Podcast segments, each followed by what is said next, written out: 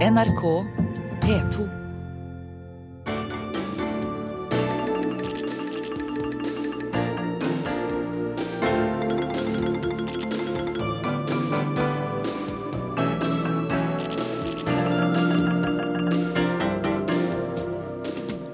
Varg Vikernes kan bli tiltalt for hatefulle ytringer. Han er ikke alene.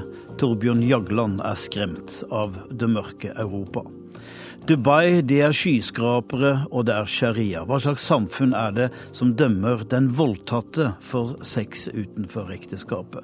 Og hva slags rettsvesen er det USA har? Du kan drepe folk dersom du føler deg truet. En russisk opposisjonell ble dømt til fem års fengsel, deretter løslatt, og nå kan ende som borgermester i Moskva. Hvem er Aleksej Navalnyj? Den store meksikanske narkobaronen Miguel Trevino ble tatt denne uka. Han er en mann de synger ballader om. Velkommen til Verden på lørdag her på P2. Jeg heter Tom Kristiansen, og mot slutten av sendinga åpner vi ukas korrespondentbrev. Det kommer fra Berlin. Denne uka ble den høyreekstreme Varg Vikernes arrestert i Frankrike, og han risikerer å bli dømt for hatefulle utsagn på internett. Han er ikke alene. I Tyskland, i Frankrike, Ungarn og Hellas har de høyreekstreme styrket seg det siste året. Og Vikernes har fått sine mange støtteerklæringer, som vi hørte i, i nyhetene. Arnsteff Hansen har vært i Salong de Tour, der Vikernes bor, og han har sett nærmere på det mørke Europa.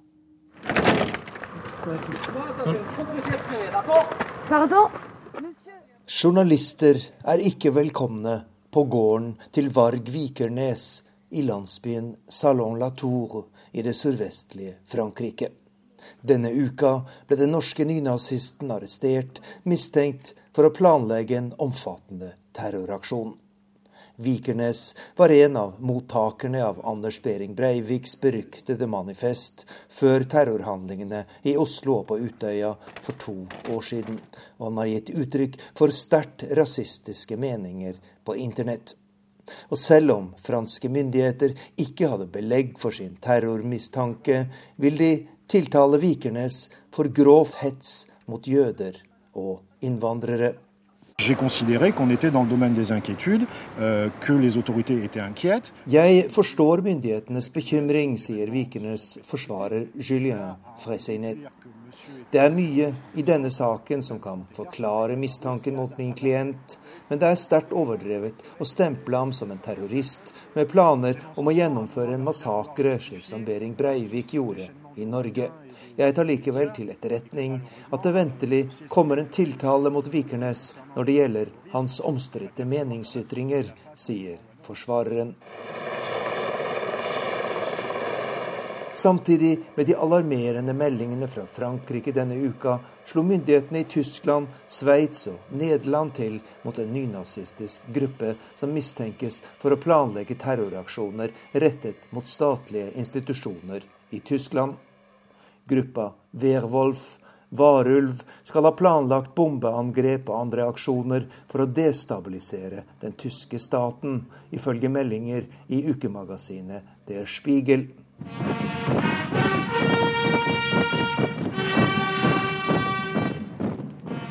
Den nynazistiske bevegelsen i Tyskland hadde et kraftig oppsving på 1990-tallet, men tyske myndigheter syntes deretter å lykkes i sin kamp for å bekjempe disse kreftene. Men da de såkalte kebabmordene, drapene på ni innvandrere, ble avslørt for halvannet år siden, ble det klart at dette er en illusjon. En av Tysklands fremste kjennere av de nynazistiske miljøene, Bernt Wagner, vurderer situasjonen slik i et intervju med NRK. Die rechtsextreme Szene stärkt sich äh, insgesamt. Natürlich. De høyreekstreme miljøene styrker seg. Det er hovedtendensen. Det er en utvikling som går i bølger, der én gruppe kan være i sterk vekst, for deretter å bli mindre aktiv, samtidig som det dukker opp nye og enda sterkere miljøer. Alt i alt er det rundt 30 000 aktive nynazister her i Tyskland nå, og det er på mange måter en farligere bevegelse enn det vi så på 1990-tallet, fordi dagens nynazister arbeider mer i det skjulte og er bedre organisert enn den gang, sier eksperten. Det er mange årsaker til det økende hatet mot fremmede på vårt kontinent. Og en av dem er utvilsomt den økonomiske krisa som har ført til en massearbeidsløshet vi må tilbake til mellomkrigstida for å finne maken til. I Hellas og Øst-Europa har det vært et klart oppsving i nynazisme og høyreekstremisme de siste årene, med det greske partiet Gyllent Dagry og ungarske Jobbik som de mest kjente eksemplene.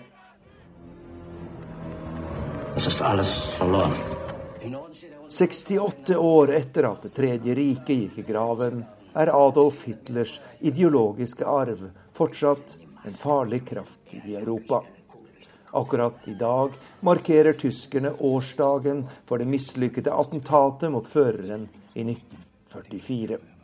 Et av mange uttrykk for at kampen mot nazisme og fremmedhat fortsatt tas på det største alvor.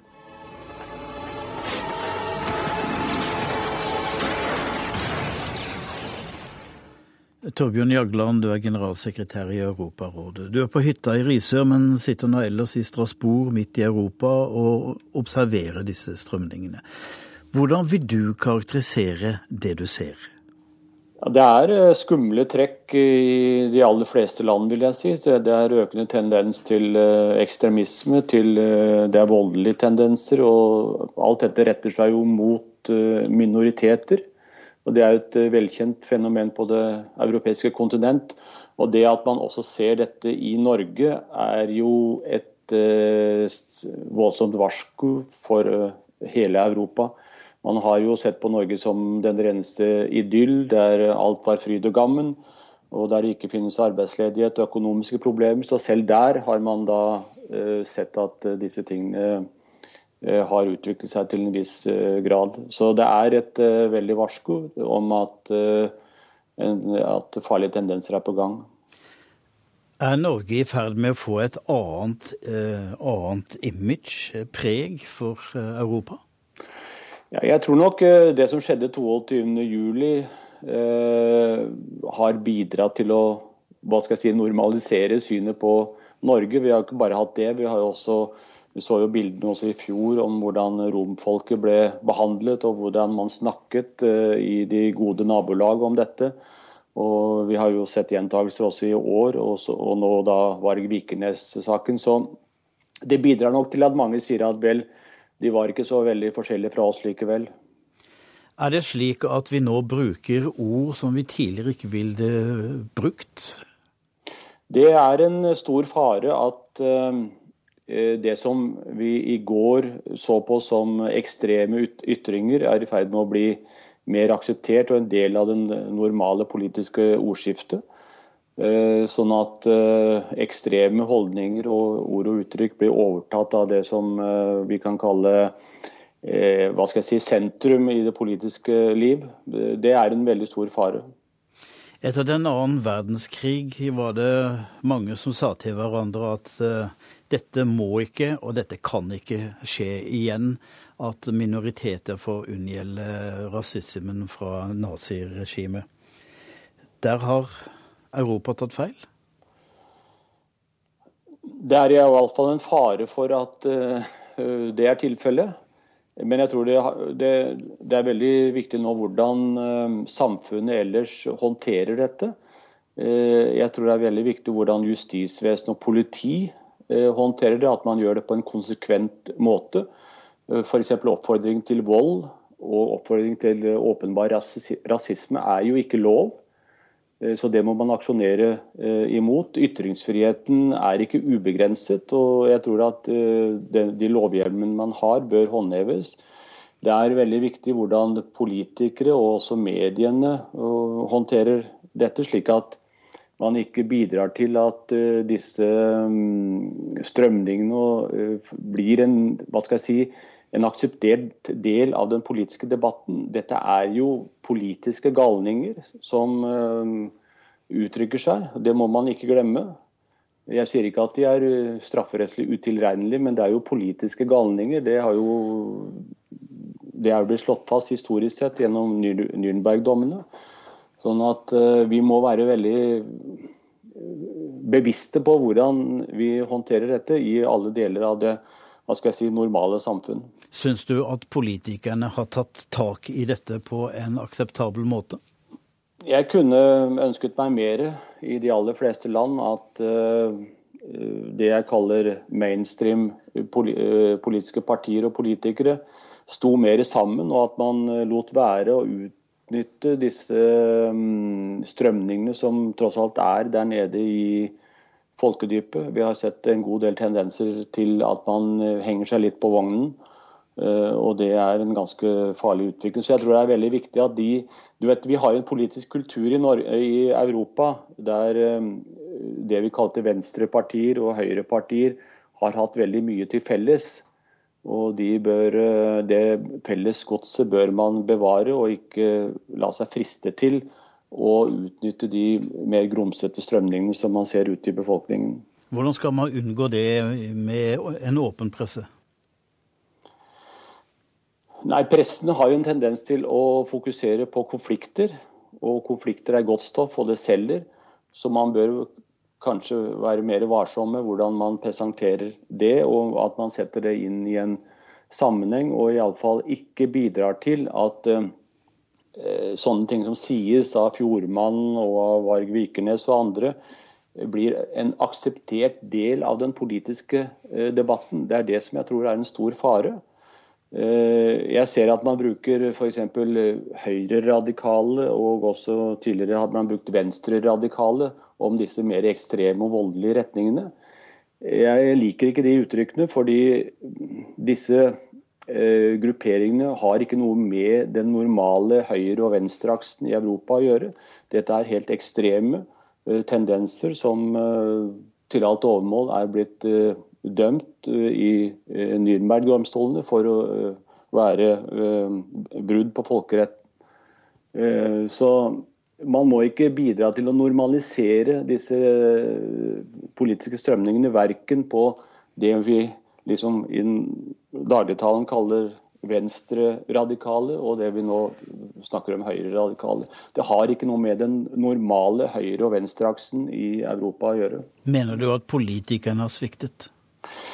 Nei, Jeg mener ikke at man har sviktet, men jeg tror man må være mer bevisst på hvordan man ordlegger seg, hva, hva slags politiske standpunkter man har. og Vi ser jo nå hvordan romfolket herses med i veldig mange land. Eh, mitt inntrykk er at eh, det er en folkegruppe som man eh, så å si kan gjøre nesten hva man vil med. og det er klart at det skaper jo holdninger i store deler av befolkningen. Altså Hvis man, hvis man f.eks. kan utsette denne folkegruppen for overgrep, så kan man jo komme på den tanke at andre også kan, at man kan gjøre det samme med, andre. Så det skaper de aksjonene man gjennomfører og de ord og handlinger man holder seg med, det skaper holdninger i det bredere lag av, av folket. Kan disse holdningene være skapt av at Europa har hatt en massiv innvandring av folk med en veldig annerledes kultur enn den europeiske, f.eks. muslimske? Det er ikke noen tvil om at uh, der finner du den viktigste uh, sammenhengen. I tillegg til at uh, disse islamistiske terrorgruppene som man både har sett utenfor Europa, men også har aksjonert i, Europa, har ført til en økende frykt for muslimer generelt sett. og når da dette fremstår i en situasjon der arbeidsledigheten øker, og det er store økonomiske problemer og sosiale motsetninger, så kjenner vi fra før av i historien at dette fører til eh, økende rasisme. Kan det da være et politisk grep å ta og stanse eller redusere den innvandringen som får slike konsekvenser? Jeg tror ikke det er eh, mulig, og det er vel heller ikke ønskelig ut fra et samfunnsmessig perspektiv. For Hvis vi ser på befolkningsutviklingen i Europa, så trenger vi sårt eh, flere til å bidra til velferden vår. selv om det er arbeidsledighet akkurat nå, så er det helt klart at på, på lang sikt så vil befolkningen i Europa Eh, gå ned, og da trenger man folk utenfra til å bidra for å opprettholde vår egen velferd, rett og slett. Så hvis man skulle stanse dette her, uh, bare fordi man er redd for rasisme så, uh, så, og økende fremmedfrykt, så tror jeg man er fullstendig på ville veier. Da måtte man i så fall være villig til å betale prisen for det, og det ville kanskje føre til enda farligere forhold hvis man som konsekvens måtte se at velferd og lønninger ville begynne å gå ned på dette kontinentet.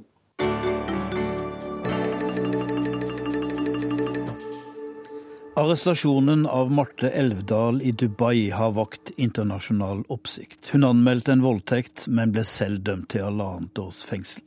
Elvdal har anket dommen, og hun sitter nå passløs i Den norske sjømannskirken i Dubai. Sigurd Falkenberg Mikkelsen, du er eh, også i eh, Dubai. Eh, hvordan er det? Godtar folk i Emiratene, som altså Dubai er en del av, disse sharia-lovene? Det virker i hvert fall ikke eh, som om det har vært veldig mye eh, oppstand rundt denne dommen som har falt mot Elvedal. Det har vært noe skriverier om det, men ikke fått veldig stor oppmerksomhet. Eh, det som er overraskende i denne saken, det er at, eh, at en sharia eh, blir brukt som utgangspunkt for å dømme en utenlandsk kvinne. Det er ikke vanlig her nede. Så det er forskjell på hvordan lokale og utenlandske borgere i Dubai behandles?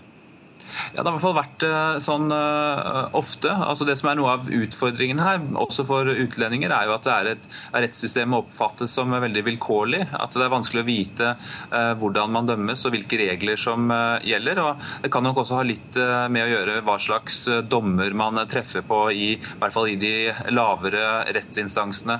Men ellers så er jo dette et utgangspunkt et ganske segregert land med, med, skarpe, med skarpe skillelinjer mellom de forskjellige forskjellige etniske gruppene, og selvfølgelig også da mellom utlendinger og de som er borgere av landet. Men hva slags samfunn er dette, Sigurd? Altså, vi kjenner skyskraperne, og det er ørken, og det er Jaria og 2013. Ja, Dubai er jo en eh, smeltedigel eh, hvor eh, den gamle arabiske kulturen møter en form for hypermodernitet og en hyperkommersialisme. Jeg tror ikke det finnes noen steder i verden som Dubai. Jeg skal huske på at her på Tidlig på 1990-tallet var det én skyskraper. Nå er det over 900. Det har vært en vanvittig utvikling her nede. Og disse sfærene lever jo på en måte side om side og så kolliderer de noen ganger, sånn som de har gjort i, i dette tilfellet, eh, mellom da eh, et gammelt og tradisjonsrik og patriarkalsk eh, samfunn med da eh, en form for eh, modernitet eh, og en form for globalitet, vil jeg si. altså Hvor det er mennesker fra alle verdenshjørner med, med sin, sin, bagasje som møtes. og det, det, det, gjør jo at samfunnet her er, er veldig spesielt. Men hvordan kan man opprettholde sharialover i et samfunn som er så sammensatt og så moderne? Ja, altså Til vanlig så, så, så, pleier det jo å være en viss sånn fleksibilitet eh, på dette. og De ser jo gjennom fingrene eh, med f.eks. alkoholbruk. Eh, det er heller ikke noe hemmelighet at det er mye prostitusjon her eh, og en del sånne ting. Samtidig som de, som de, da har, har, har sine stammekulturer som, som fortsatt ligger i bunn. og Dubai har jo på en måte gjort dette til en til et prosjekt. Altså, de har ikke like mye olje som de andre eh, landene her nede, eh, og har isteden satset da på å bli en, et, et, knutepunkt for trafikk av alle mulige slag. Det er en vanvittig stor flyplass, selvfølgelig, men det er også veldig mye varer som flytter på seg, og, og tjenester. Og Det gjør at, gjør at Dubai ser ut som det gjør i dag. Preges det av menn? Det er klart Dette er en eh, meget patriarkalsk eh, struktur. Eh, men noe som er slående her, er jo også at det er en veldig stor innslag av, av vestlige kvinner i, både i arbeidslivet er én ting, men, men også, også i, i, bybildet, i og med at de er, det er mange turister her. Og det skiller jo Dubai fra mange av de andre, andre landene i Gulfen.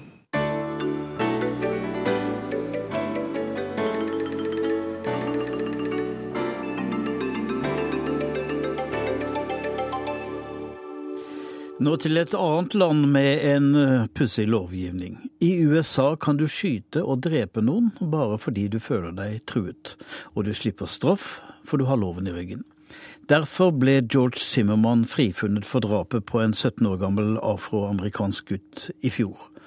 Var det en rett dom, men en feil lov? Det diskuterer USA akkurat nå. Tove Bjørgaas har sett nærmere på saken og debatten.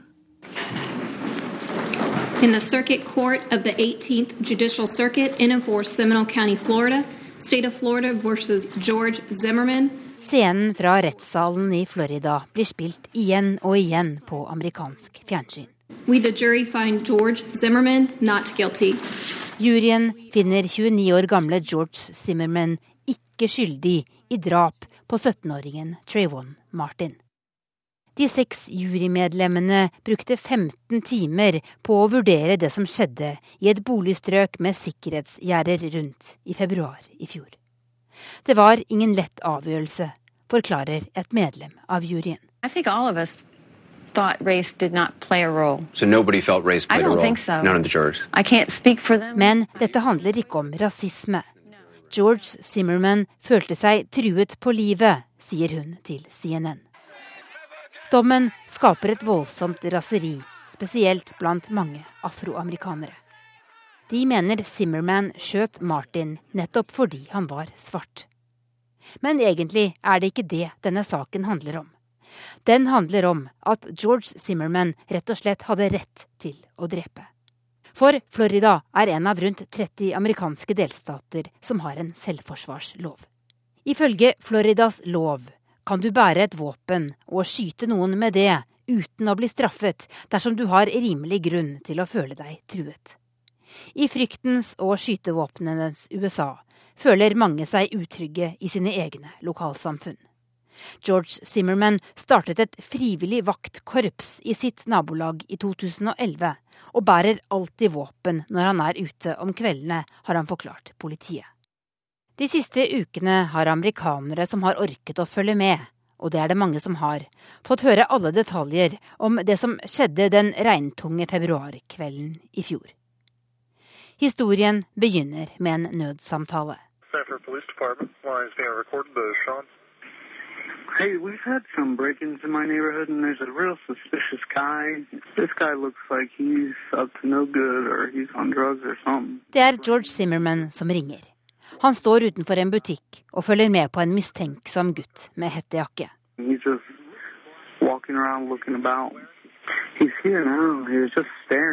Politiet sender en patrulje, sier de, og ber Zimmerman la være å følge etter gutten med hettejakken.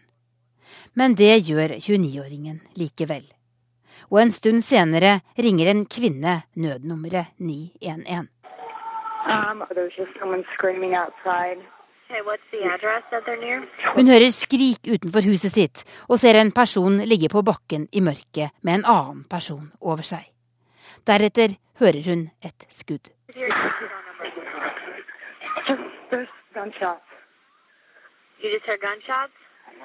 Skuddet drepte 17 år gamle Trayvon Martin, som ifølge foreldrene og en venninne hadde gått ut for å kjøpe godteri og en flaske med iste chill, loving person.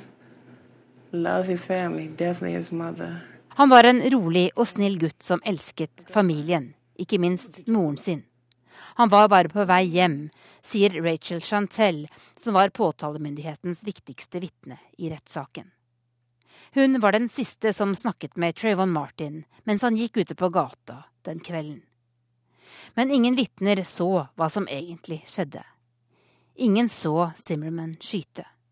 George Zimmerman har forklart at Trayvon angrep ham etter noen minutter. Uh, Han dunket hodet mitt mot fortauet og forsøkte å ta kvelertak på meg, forklarer Zimmerman i et TV-intervju. Men heller ikke dette finnes det vitner til. Til syvende og sist var det imidlertid selvforsvarsloven i Florida som gjorde utslaget. Zimmerman hadde rett til å drepe Martin fordi han hadde rimelig grunn til å føle seg truet. Men debatten raser nå i USA.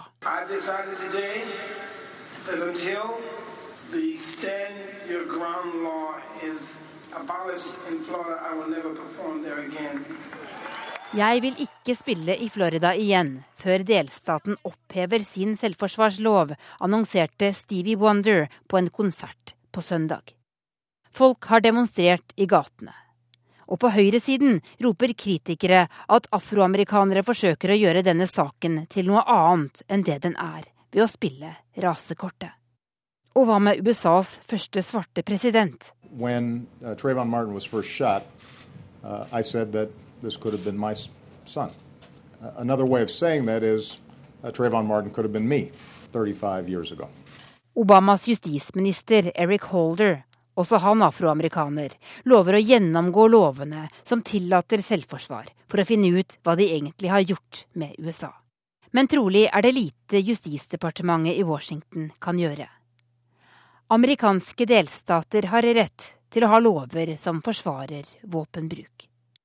Foreldrene til Trayvon Martin orket ikke å være til stede under domsavsigelsen. Moren ber president Obama sørge for at alle fakta i saken blir undersøkt. Trayvon was walking too slow, so should they be walking too fast? Uh, you know, so I don't think teenagers in whole know exactly what to do now. Trayvon gikk visst for sakte. Skulle han ha gått raskere? Må barna våre tenke på hvor fort de går for ikke å virke truende, spør hun. George Zimmerman er en fri mann på papiret, men må trolig holde enda bedre på våpnene sine i framtida. For han mottar drapstrusler og andre trusler daglig. I fryktens USA er det ikke annet å vente enn mer frykt og mer selvforsvar i årene etter dette. Du er på P2, dette er Verden på lørdag, og i den kommende halvtime skal du få høre om den største militærøvelsen i Russland på flere tiår.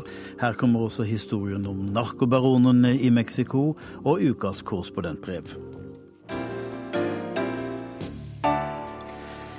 Den russiske opposisjonspolitikeren Aleksej Navalnyj er tilbake i Moskva. Han har hatt litt av en uke. Onsdag fikk han hjelp av Putins parti til å registrere seg som kandidat til valget av borgermester og sjef for Moskvas byregjering i september. Torsdag ble han dømt til fem års ubetinget fengsel for korrupsjon og underslag, og håndjernene klappet igjen. Fredag, altså i går, ble han løslatt på begjæring av påtalemakten. Men, men, hvem er denne 37 år gamle advokaten som utfordrer selveste Vladimir Putin? Det vet vår Moskva-korrespondent Hans-Wilhelm Steinsfeld adskillig om.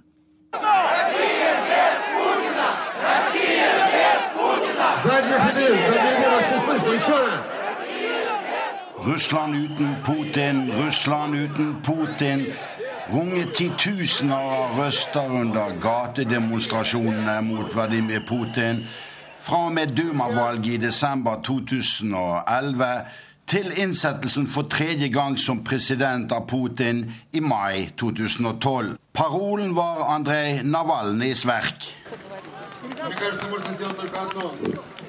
Hans andre parole rammet Putins parti Forent Russland med sitt nei til partiet av svindlere og tyver. Så ble den 37-årige advokaten tiltalt og dømt for å ha planlagt en svindel med tømmersalg som fratok Kirov-regionen ved Volga tre millioner norske kroner. Det offentlig eide trelastfirmaets direktør inngikk selv en avtale med påtalemakten og fikk bare betinget fengsel. Så prøvde han å velte alt ansvaret over på guvernørens ubetalte rådgiver, som het Aleksej Navalnyj, og direktøren ble kronvitne i straffesaken mot denne opposisjonelle advokaten. Da hefter det troverdighet ved vitneprovet. For alle andre vitner, inklusive Kirov-regionens guvernør, som aktoratet stevnet til straffesaken mot Navalnyj, benektet Navalnyjs skyld. Men torsdag ble det klubbet for fem års ubetinget frihetsberøvelse.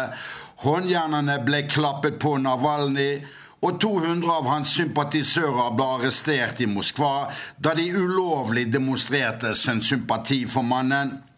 Så ble Navalnyj på fredag meget dramatisk og uventet sluppet fri fra varetekten i byen Kirov, og i Moskva takket han de som ble arrestert for hans skyld.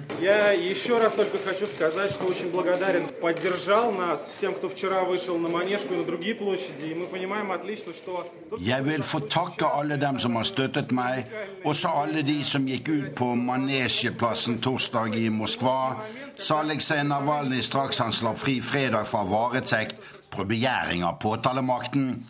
Den dramatiske og uventede løslatelsen kommenterte Aleksej Navalnyj slik. Dette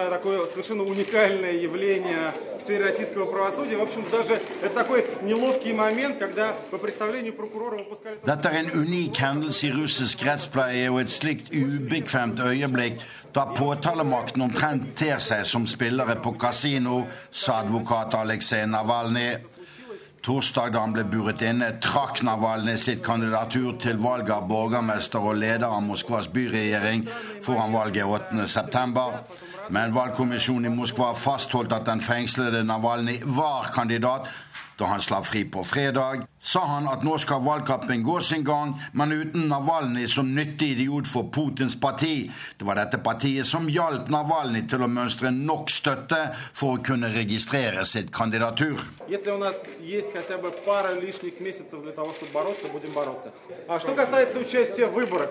Я не какой-то там, понимаете, им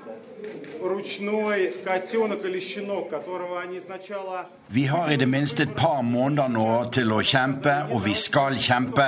Hva angår valg i Moskva, så skal ikke jeg bli en kattepus eller valp som er nyttig for makten, sa den frigitte Aleksej Navalnyj i går. Ankeprosessen etter dommen hans vil ta flere måneder.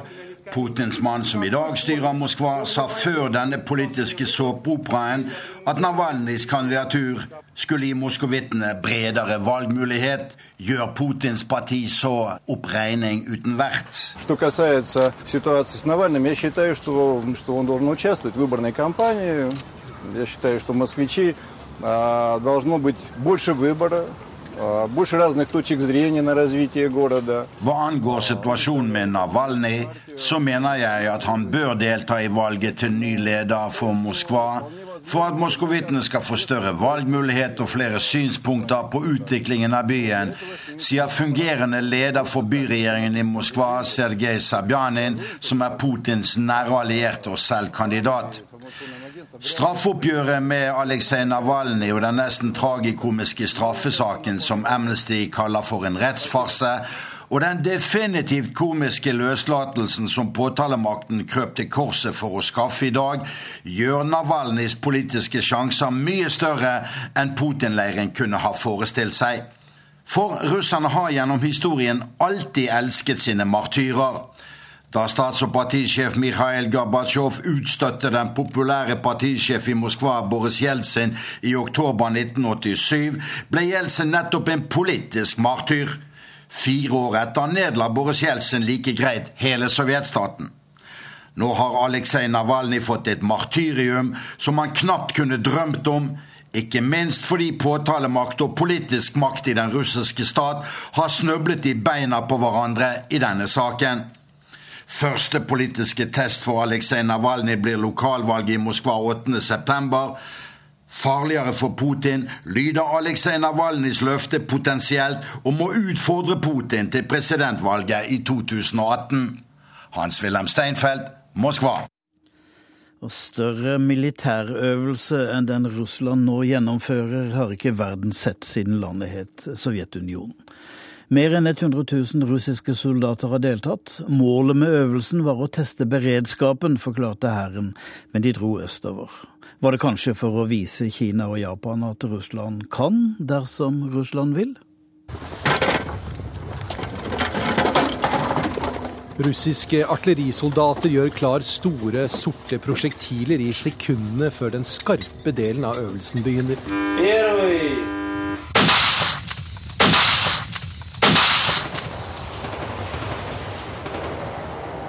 Dimensjonene er imponerende.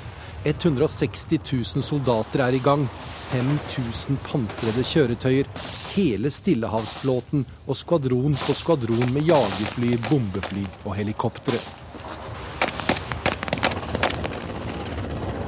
Det er den østlige delen av landets forsvar som trenes.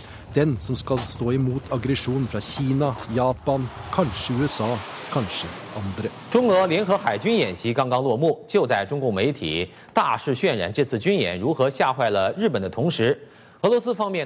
Kineserne har snakket helt siden øvelsen begynte. Bemerkelsesverdig nok dagen etter at en stor russisk-kinesisk marineøvelse sluttet. Er det Kina som er fienden i øvelsen? Er spørsmålet. En rekke russiske, kinesiske og amerikanske kommentarer går akkurat på det. Selvfølgelig gjøres dette for å vise Kina at Russland kan ta vare på seg selv, er konklusjonen. President Putin nevner ikke Kina med et ord.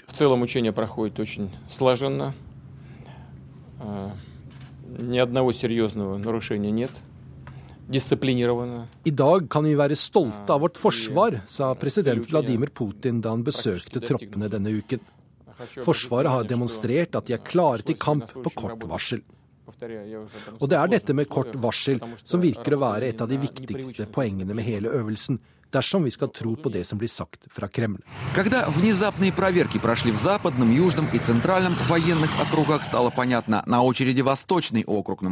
Det virker ikke som de russiske TV-journalistene som dekker øvelsen, tviler på ordene fra Kreml og Putin.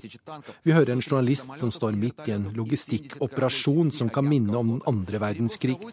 Tog på tog, fete med pansermonstre ruller i vei foran kameraene. De skal 3000 km av gårde på to døgn. To døgns varsel fikk Forsvaret. Det begynte med en hemmelig pakke med ordre som ble levert over kommandoen. De overraskende ordene i pakken, trykk på den aller største knappen, mobiliser alt, kom dere østover.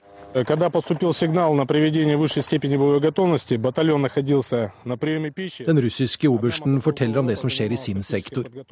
Russland kan ikke ha store styrker stående i den østlige delen av landet. Forsvaret blir i stor grad basert på å få personell på plass fra andre steder. Noe av utstyret kommer med tog, mye annet står lagret. Russiske soldater må raskt kunne komme frem til lagret utstyr og ta det i bruk. Det er det de har gjort denne gangen.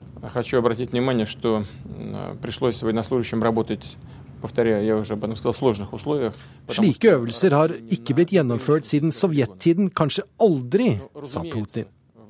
De ansvarlige for forsvaret av den østlige delen av landet visste nok at en slik øvelse kunne komme. Putin har tidligere gitt to slike overraskende ordre til forsvaret andre steder i landet. Men denne er den klart største. Skal Russland ha et troverdig forsvar i den østlige delen av landet, så må de vise at de kan få styrken på plass. Kanskje ikke pga. en trussel nå, men en som kan komme. As Putin stated in his manifesto, Russia is not a country like others that can plan for one threat at a time or stay in the present. Russia instead has to plan for dozens of threats over the course of decades ahead. This is because Russia is an inherently weak and indefensible state, with no natural barriers between it and the myriad of regional powers encircling it. Senior Eurasia-analytiker i Stratford, Lauren Goodrich, peker på Russlands alltid tilstedeværende svakhet og utfordring.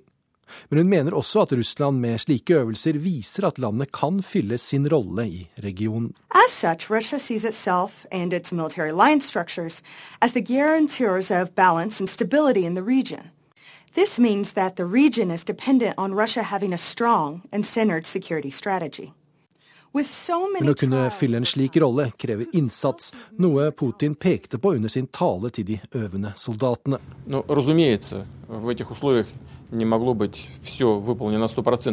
Slike øvelser er spesielt viktige nå, sa Putin, og henviste til den pågående moderniseringen av det russiske forsvaret. Et forsvar Putin bruker en stadig økende andel av landets rikdommer på.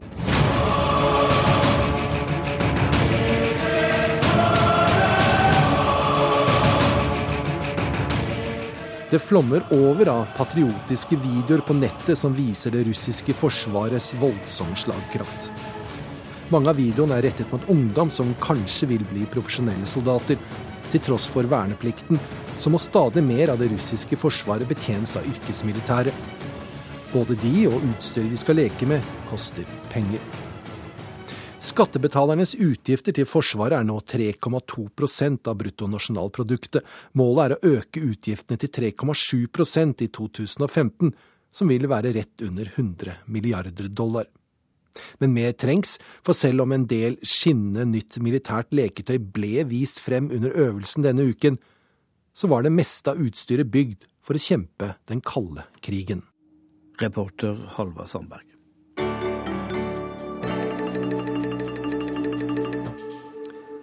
Denne uka ble Miguel Trevinho arrestert. Han er, eller kanskje var, sjefen for det mest brutale narkotikakartellet i Mexico. Han har levd sitt liv langt utover lovens grenser, og han blir hyllet for nettopp det. Stig Arild Pettersen har sett nærmere på den skrekkinngytende Trevinho og lyttet til balladene som er blitt skrevet om ham. Andan buscando un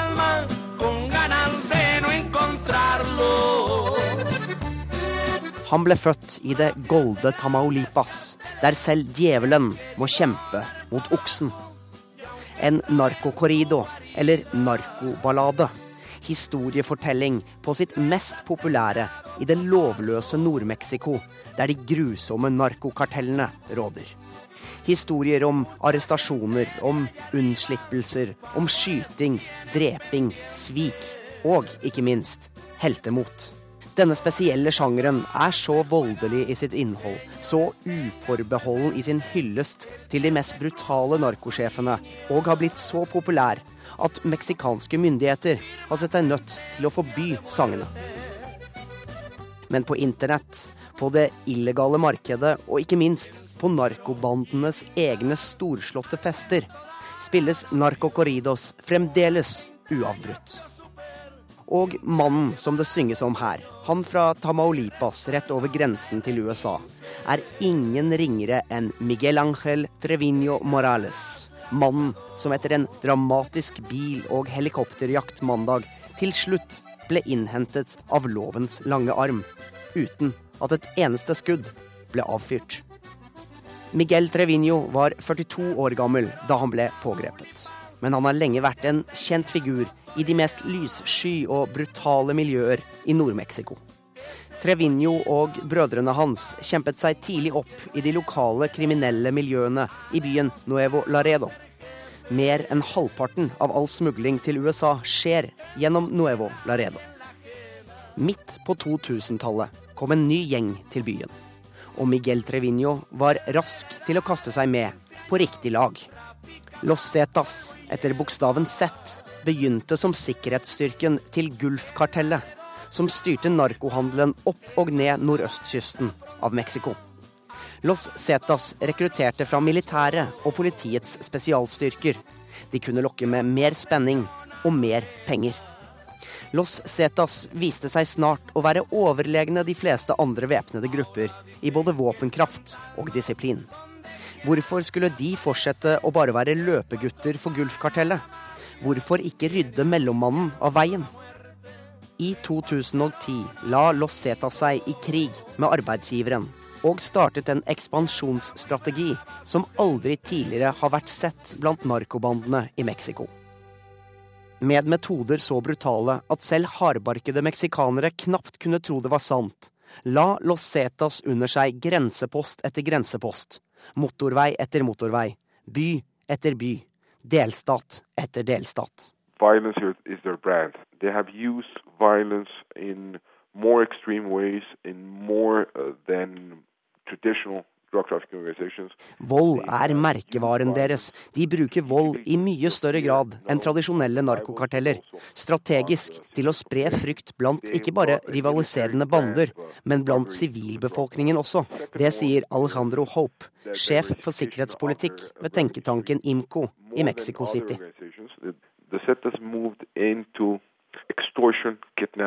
Los Cetas skiller seg også ut ved at de ikke bare driver med narkotikasmugling, men med alle andre typer illegal virksomhet som kan gi en inntekt. Kidnapping, utpressing, piratkopiering, prostitusjon og menneskehandel.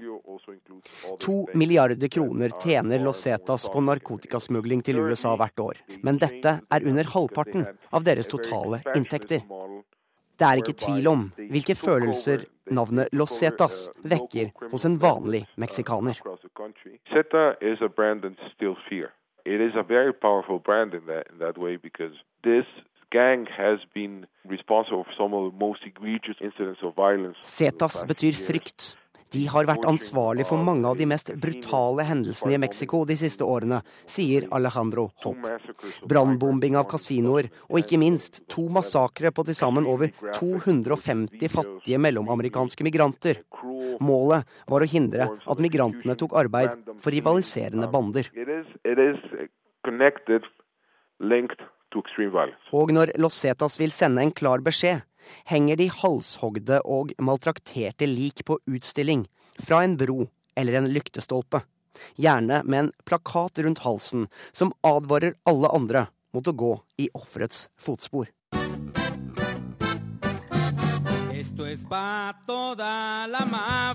Miguel Trevino gjorde det stort blant Los Cetas. Han steg i rekkene, nettopp fordi han var den mest brutale av dem alle. Til slutt var det bare Cetas-sjef Eriberto Lascano som sto over ham. Treviño startet en intern kamp om sjefsstolen. Denne narkokorridoen, narkoballaden, forteller historien om kampen mellom Treviño og Lascano. Her blir Treviño kjent som Z40, omtalt som Los Cetas sin Judas, for sviket han viste mot sin øverste leder. Men skjebnen skulle ha det til at Lascano ble drept av politiet i oktober i fjor. Og Treviño sto igjen som ubestridt leder. Men siden mandag har han altså sittet bak lås og slå i Mexicos tryggeste fengsel. Og Los Cetas står for første gang uten en lederskikkelse. Organisasjonen vil splittes og bli svakere, mener Alejandro Hope. En æra i den meksikanske narkokrigen som siden 2006 har krevd nær 75 000 menneskeliv, er over. Miguel Trevino har ikke lenger mulighet til å få mer blod på hendene. Og de eneste som sørger over det, er nok Narco Corrido-sangerne.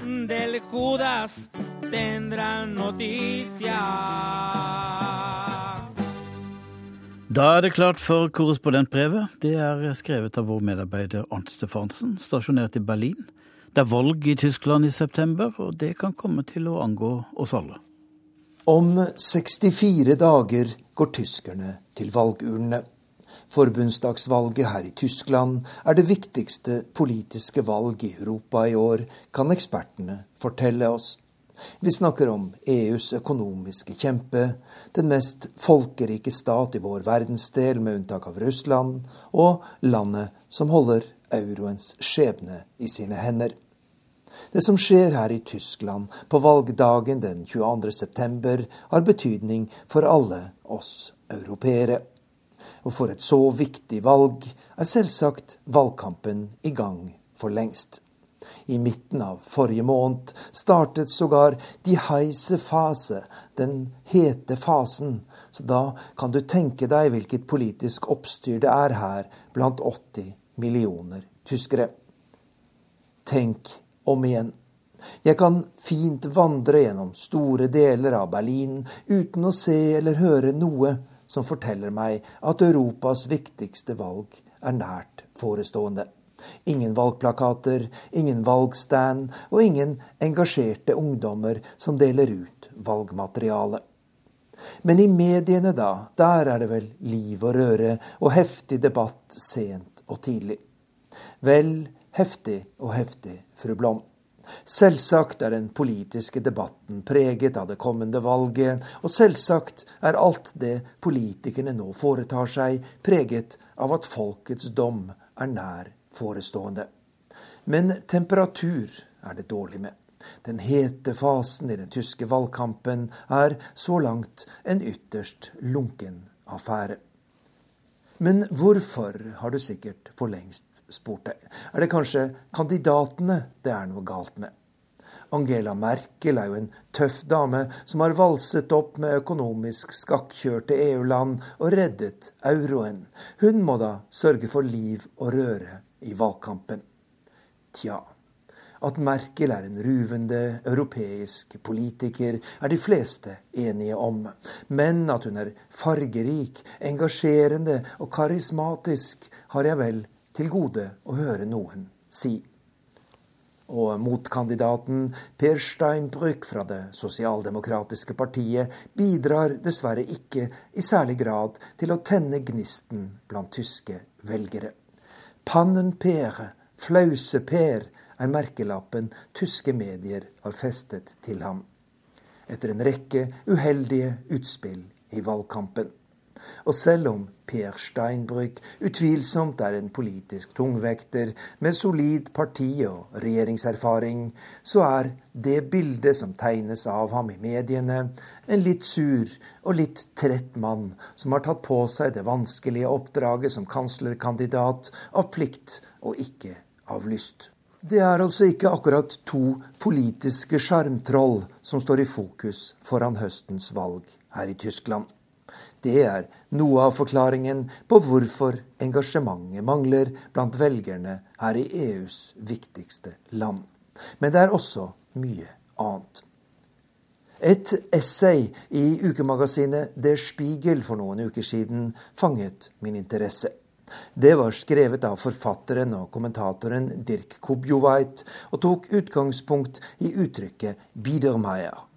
Som mange nordmenn vil vite, er en Biedermeier den typiske tyske besteborger som har trukket seg tilbake til det private og er lite opptatt av de store stridsspørsmål i tiden. Uttrykket stammer fra første halvdel av 1800-tallet, og forfatterens poeng er at dette fenomenet minner faretruende om Angela Merkels Tyskland anno 2013. Forbundskansler Merkel unngår åpen konfrontasjon der det er mulig. Hun skyr de klare ord, polariseringen og de store utspill som kan provosere. Hun smyger seg gjennom valgkampen, deler ut milde gaver til pensjonister og familier, og erklærer at det egentlig ikke er noe alternativ til hennes og kristeligdemokratenes politikk, skriver Dirk Kubjovait i Der Spiegel. Nå skal det i rettferdighetens navn legges til at venstreliberale Der Spiegel ikke er den største beundrer av Angela Merkel og hennes politikk, men synspunktene i denne kommentaren vil nok de fleste tyskere, blant dem mange av Merkels egne velgere, nikke gjenkjennende til. Og ikke nok med det. Tyske valgeksperter er stort sett enige om at det er en bevisst taktikk fra forbundskanslerens side å unngå en opphetet valgkamp.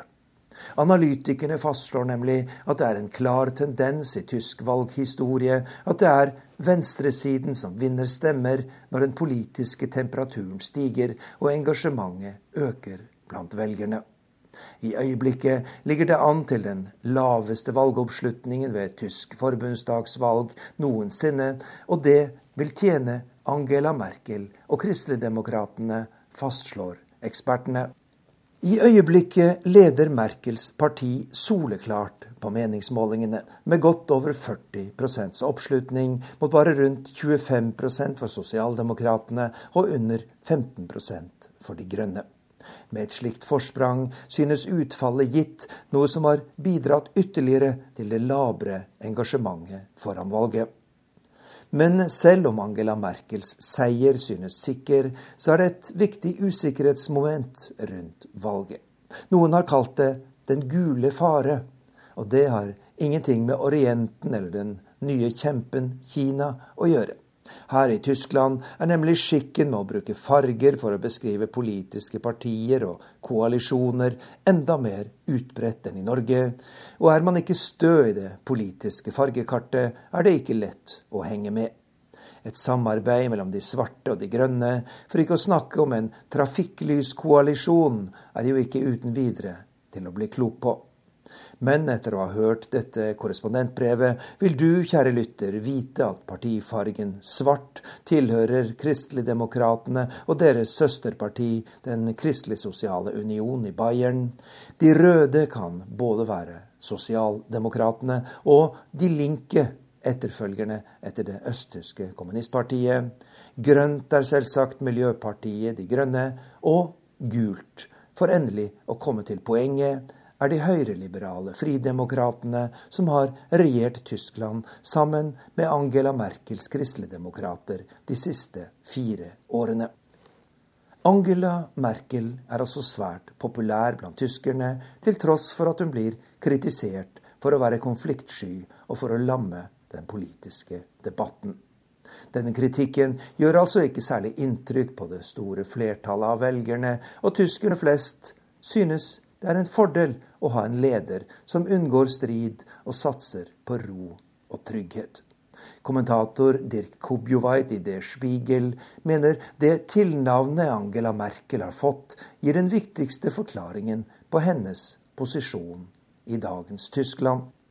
Hun har for lengst fått tilnavnet Mutti, mamma. I begynnelsen var det litt spydig, men med tiden har det vist seg ytterst treffende. Hun er vår alles mamma, som passer vårt felles hjem, Tyskland. Hun sørger for å gjøre livet så bra som mulig for oss alle, og for å holde problemene på avstand, slik en god mor skal, skriver kommentatoren. Og som mange har vært inne på, det viktigste av alt når man skal forstå Angela Merkels sterke posisjon og popularitet i øyeblikket, er at hun har greid å beskytte tyskerne mot eurokrisa. Dersom krisa rammer også her i Tyskland, kan mye av tilliten til henne raskt forsvinne, spår ekspertene. Men det skjer med sikkerhet ikke før valget den 22. september. For inntil det motsatte er grundig bevist, stoler tyske velgere på at landsmoderen, mamma Merkel, rydder opp. Da er vi ved veis ende i Verden på lørdag. Teknisk ansvarlig Marianne Myrholt. Eh, skript Elise Øygarden. Og i studio Tom Christiansen.